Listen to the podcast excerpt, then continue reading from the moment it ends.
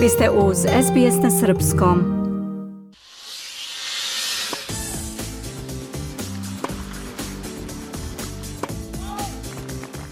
Otvoreno prvenstvo Australije u tenisu ušlo je u samu završnicu kojoj je u singlu ostalo po osam najboljih takmičara i u ženskoj i u muškoj konkurenciji.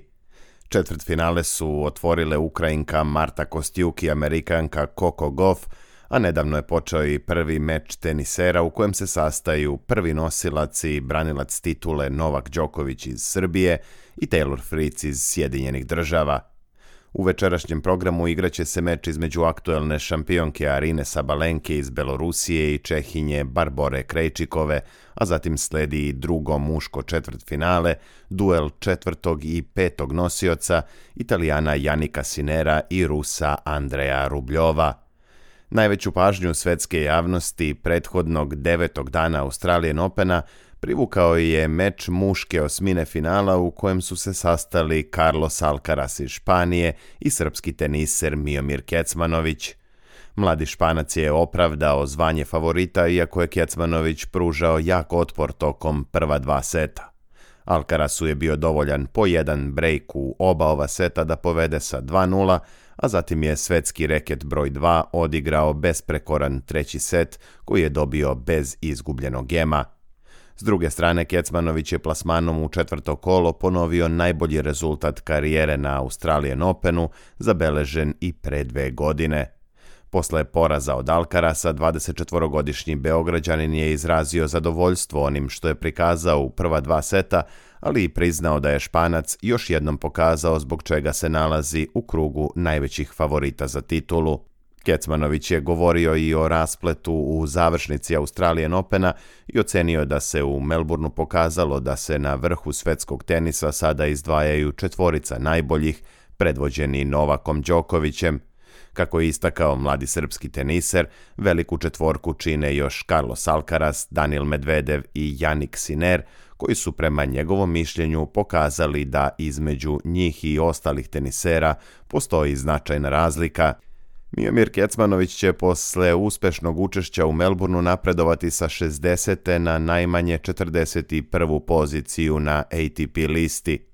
Naredni turnir na kojem će učestvovati verovatno će biti Delray Beach na Floridi koji počinje 9. februara, a na kojem Kecmanović brani prošlogodišnji plasman u finale u kojem je poražen od Taylora Frica.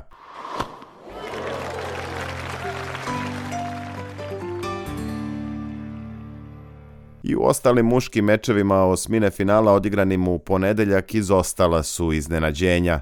Očekivano, Danil Medvedev je savladao Portugalca Borgesa koji je favoritu iz Rusije ipak uspeo da uzme jedan set.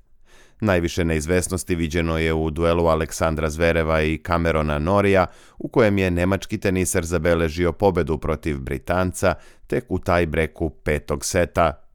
Jedini pored Alkarasa koji je ostvario maksimalnu pobedu bio je Poljak Hubert Hurkač u duelu sa Arturom Kazom.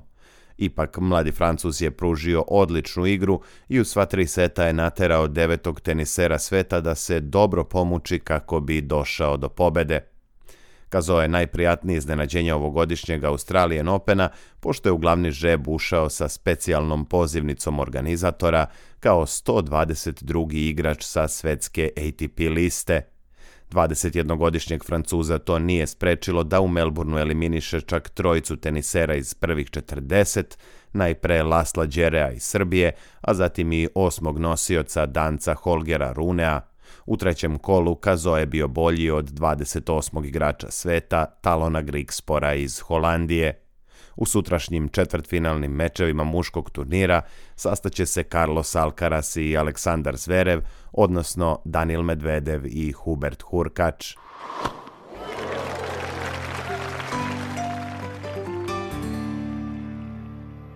Za razliku od muškog, ženski turnir na ovogodišnjem Australian Openu obilovao je iznenađenjima pa tako u četvrtfinalu igraju čak četiri teniserke koje trenutno nisu među najboljih 30 na svetskoj rang listi. Najveće iznenađenje svakako je Dajana Jastremska iz Ukrajine, koja je u ponedeljak eliminisala bivšu šampionku Melburna Viktoriju Azarenku sa 2-0 u setovima – Jastremska je tako postala tek druga igračica iz kvalifikacija koja je uspela da dođe do četvrtfinala nekog Grand Slema i da na tom putu savlada i dve bivše šampionke. Pre Ukrajinke u tome je uspela jedino australijanka srpskog porekla Jelena Dokić, koja je pre tačno 25 godina na Wimbledonu napravila isti podvig sa samo 16 godina. Za razliku od Dokićeve, Jastremsko je 23 i već iza sebe ima zapaženu karijeru sa tri osvojene titule u profesionalnom tenisu. Jastremska će u četvrtfinalu igrati sa još jednom teniserkom koja je priredila iznenađenje u Melbourneu. Reč je o Čehinji Lindi Noskovoj, koja je na putu do završne faze turnira eliminisala i prvoplasiranu sa WTA liste Igu Švjontek, a u osmini finala posao joj je olakšala povreda Elene Svitoline, zbog koje je Ukrajinka već posle tri gema morala da preda meč. Pored već pomenute šampionke Arine Sabalenke, koja je do sada pružala najbolje igre u ženskoj konkurenciji, u osmini finala se odličnom partijom izdvojila i kineska teniserka Qin Wenzheng. Ona je sa 6-0-6-3 savladala francuskinju do dan, i zakazala meč sa Anom Kalinskajom. Ruska teniserka je na putu do četvrt finala eliminisala prvo Amerikanku Sloane Stevens, a u ponedeljak i 26. nositeljku Italijanku Paolini. Čuli ste pregled najvažnijih dešavanja na teniskom Australian Openu u Melbourneu. Sledi nekoliko najznačajnijih vesti iz ostalih sportova.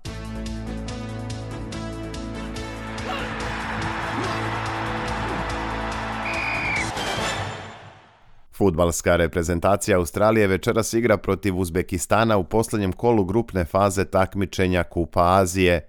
Sokerusi su se pobedama u prva dva meča već plasirali u narednu rundu turnira koji se igra u Kataru, a duel sa Uzbekistancima odlučit će koji od dva tima ide dalje sa prvog mesta u grupi.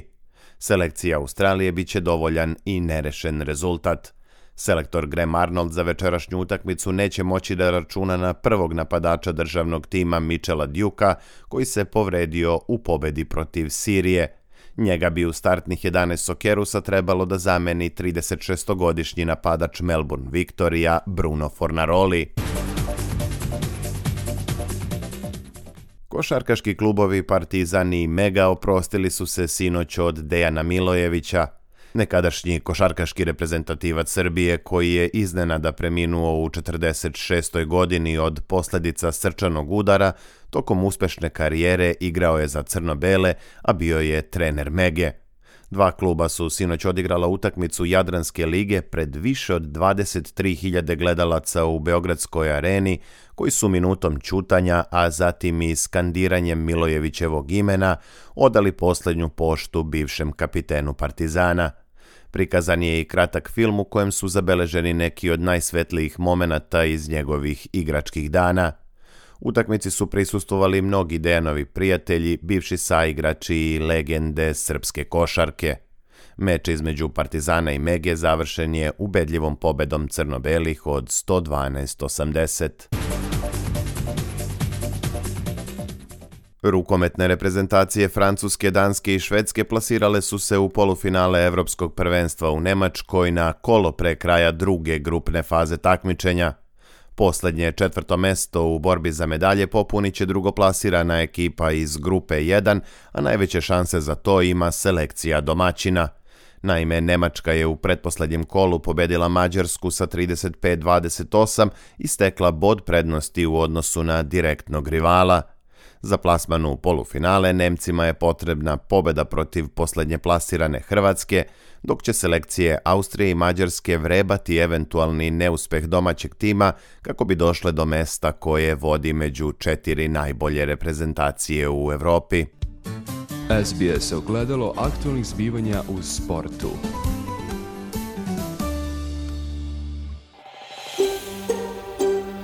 Želite da čujete još priča poput ove? Slušajte nas na Apple Podcast, Google Podcast, Spotify ili odakle god slušate podcast.